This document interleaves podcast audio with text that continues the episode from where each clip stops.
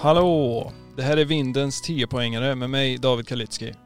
Här tänkte jag sammanfatta årets tävlingar i World Surf League och dela ut mina högst subjektiva poäng i tre kategorier. Surfarna, vågorna och tävlingen. Världsturnén hade nått slutet av vägen för årets avslutande deltävling. En sista samling ute på revet där en wipeout kan betyda bye-bye, där en 8 poängs sväng får 4,5 och där en stavelse uttalas som minst tre. Äntligen dags för t a u u u Här är min sammanfattning av tourens tionde och sista stopp i tre delar. Del 1, surfarna. Både Gabriel Medina och Johnny Johnny Florence är sevärda på Tahiti, men med båda dem borta i matchen fick vi istället några bekanta ersättare i Jagodora och Michel Bores. Startfältet fylldes sen upp av de lokala talangerna Vahine Fierro och Kaoli Vast, som sänkte medelåldern och den sponsrade rock'n'roll-jokern Nathan Hedge som höjde densamma. Uppställningen kändes spännande trots skadorna, så surfarna får 7 av 10. Del 2, vågorna. En månad hade gått sedan det största swellet på 10 år träffade Tahiti. Ingen med internet lär ha missat det så kallade Code Red 2 som välde in vid the end of the road i somras. Inte sedan augusti 2011 hade så stora vågor setts till och hela surfvärldens psykopater samlades för en omgång av dödsdropp. Hamnen stängdes, men de stora storvågsnamnen trängdes för en chans att fånga sitt livs våg eller en chans att avsluta sitt liv. Men om juli hade rekordvågor från en skräckfilm såg starten av vänteperioden fyra veckor senare snarare ut som en barntillåten matiné. Chopo ville inte vakna och den världsberömda vänstern var mer slö än släp. Vi fick vänta sex dagar innan ett hit satte igång i knappt huvudhöga sätt. Men swellet skulle dock komma och de flesta tävlingsdagarna så såg vågen ut sådär som vi är vana att se den. Men då storleken på finaldagen var lite mindre så får vågorna ändå bara 9,5 av 10. Del 3, tävlingen. Tre biljetter till VSL-finalen stod på spel i vardera tävling, vilket gav en extra krydda till eventet. Ja, som om inte tvåvåningshus med kristallklart havsvatten exploderande över sylvass korall var nog spännande. Även om inte min sommartröga hjärna hann med i alla beräkningar av vem som var inne, ute, bredvid eller mitt emot topp 5 under tävlingens gång. En liveställning konstant i bild hade kanske inte skadat. Men Så kändes det ändå hela tiden att avslutningen var nära. Damernas tour hade inte besökt Chopos vågor på 16 år innan Isabella Nichols droppade in och blev mosad direkt av en closeout. Det dröjde till andra heatet innan Gnarissa Moore, Caroline Gnarks och inte minst jokern Fierro bjöd på en lektion i tubkunskap. Fierro slog direkt ut Johan Defay, som var rankad tvåa innan tävlingen. Defeat blev dock klar för topp 5 på dag 1 tillsammans med Weston Webb, Gilmore och redan klara Gnary Moore. Brisa Hennessy säkrade sin plats i kvartsfinalen med en våg i heatets sista set, en sjua med fyra minuter kvar. Lakey Peterson slog ut Tyler Wright med 0,19 poäng och Caroline Gnarks fångade som vanligt störst vågor men det var Tati som hittade in i tuben och gick vidare från det hitet. I kvartsfinalerna visade Courtney Conlog lysande form och hade matchat självlysande neongul bräda med en lika gul hjälm. California Courtney vågade ta av mycket djupare än Steph som fick satsa på svängar.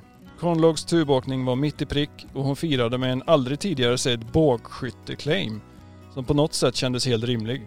I semifinalen väntade Tati, men Conlog hade siktet inställt på finalen och när Tati inte lyckades ta sig igenom tuberna fick hon se sig besegrad trots sina stora carves. I tävlingen Tahitis tuffaste hjälm vann Lakey Peterson utan tvekan med sin vita i Stormtrooper-stil, som fick alla andra hjälmlösa att se ut som losers. Jag vet inte vad ni andra håller på med, men jag är i alla fall bara ett klick från att beställa en svart Gath med nedfällbart visir som skydd mot Kåsas tunga closeouts. Eller mest för att se ut som jag är med i Star Wars. I heatet gick det dock inte lika bra för Peterson när hon blev besegrad av Hennessy, som därmed tog sig till semi och även fick den sista biljetten till finalfesten på Trestles. Gnarris Moore ställdes mot Jokern Fierro som hittade tekniska tuber och inte gav regerande mästaren en chans. Fierro till semi mot Hennessy, där de tyvärr inte hittade rätt vågor och Hennessy gick istället hela vägen till sista hitet. Men det är nog ingen vild gissning att Vahine dyker upp i det vanliga startfältet inom ett år eller två.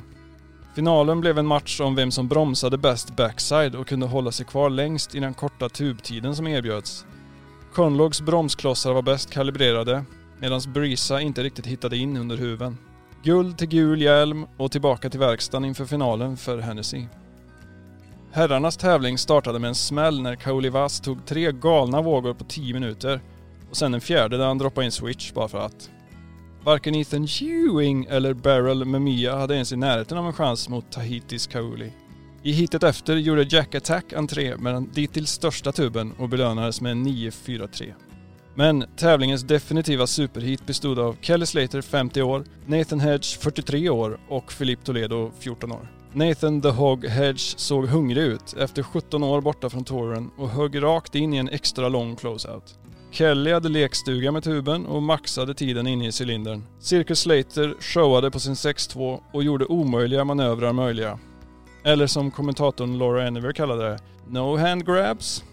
Hedge tog en smärtsam wipeout, dock inte lika smärtsamt som att se Toledo återigen ha noll vågor på tavlan i ett heat på Tahiti. Filip fick en våg med en minut kvar, men då var det too late oh. Fick sen återse The Hog redan i nästa runda. Fler vågor blev fångade där, men Hedge kunde säkra segern med en Houdini-tub som landade i de höga nio-trakterna. Dagens värsta wipeout gick utan tvekan till Griffin Gnarla Pinto som droppade ner i ett exploderande bombrum utan nödutgång. Knäckt bräda, spolade över rakbladsrevet och direkt tillbaka ut för nästa smocka. Starka bilder och starkt psyke.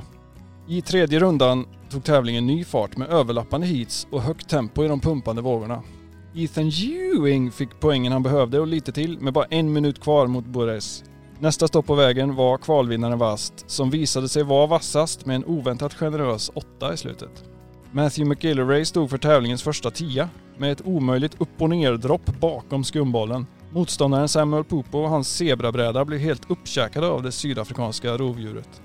Griffin Colapinto tog förutom Wipeout-priset tidigare även hem priset för tävlingens grövsta claims när han skrek högt och pekade till högre makter efter en mittemellanvåg. Domarna lyckades dock hålla sig i skinnet och Griffin fick se sig utslagen av Jago Lopez, förlåt Dora. Griffin tvingades sen också se på från sidan när topp 5-biljetten, som haft hans namn halva året, plötsligt gick upp i rök. Kelly Slater, som imponerade stort i första heatet, fortsatte i samma spår i nästa omgång. Geten plockade in först en nia och sen en åtta och sen var det klippt för Conor O'Leary och hans hockeyfrilla. Slater mötte Dora Lopez i kvarten och hade nog tänkt sig att tugga sig igenom det hitet med några stabila åttor. I vägen stod dock Jago med sin bowlingklotshjälm och inget att förlora och gav mästaren en tuff match.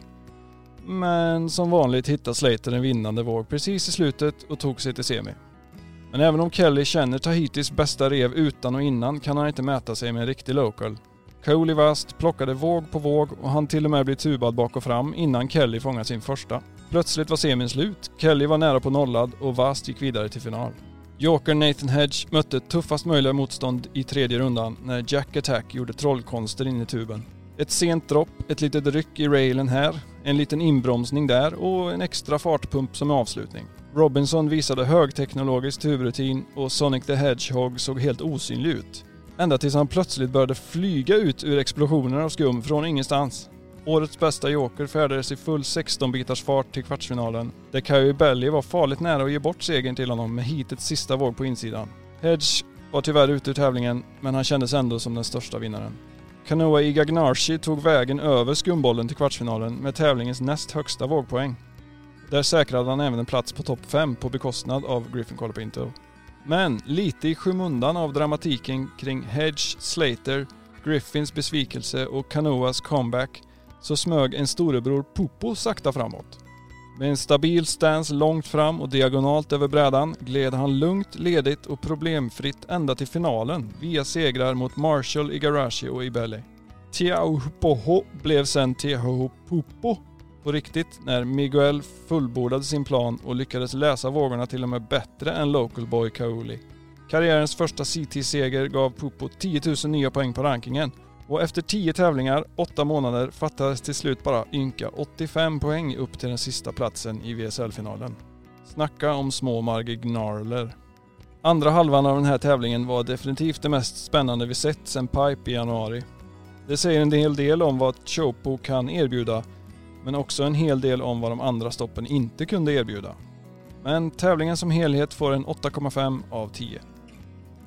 Och avslutningsvis ett frågetecken. Kommer någon ens komma i närheten av Filip Toledo på Trestles i september? Världsettan lär vara rejält revanschsugen efter att ha blivit utklassad av en pensionär i andra chansen. Orange County är ju också Toledos hemmaplan sedan 2014 och självaste Kelly Slater säger sig aldrig ha sett en bättre surfare på Trestles. Så även om Jack Robinson känns som den rättvisa världsmästaren är mitt tips att titeln ändå hamnar på väggen hemma hos familjen Toledo i San Clemente. Okej, okay, det här var allt för den här gången. Vi hörs igen efter den stora VSL-finalen och då med en helt ny typ av sammanfattning. Så håll utkik efter den och ha det gött tills dess.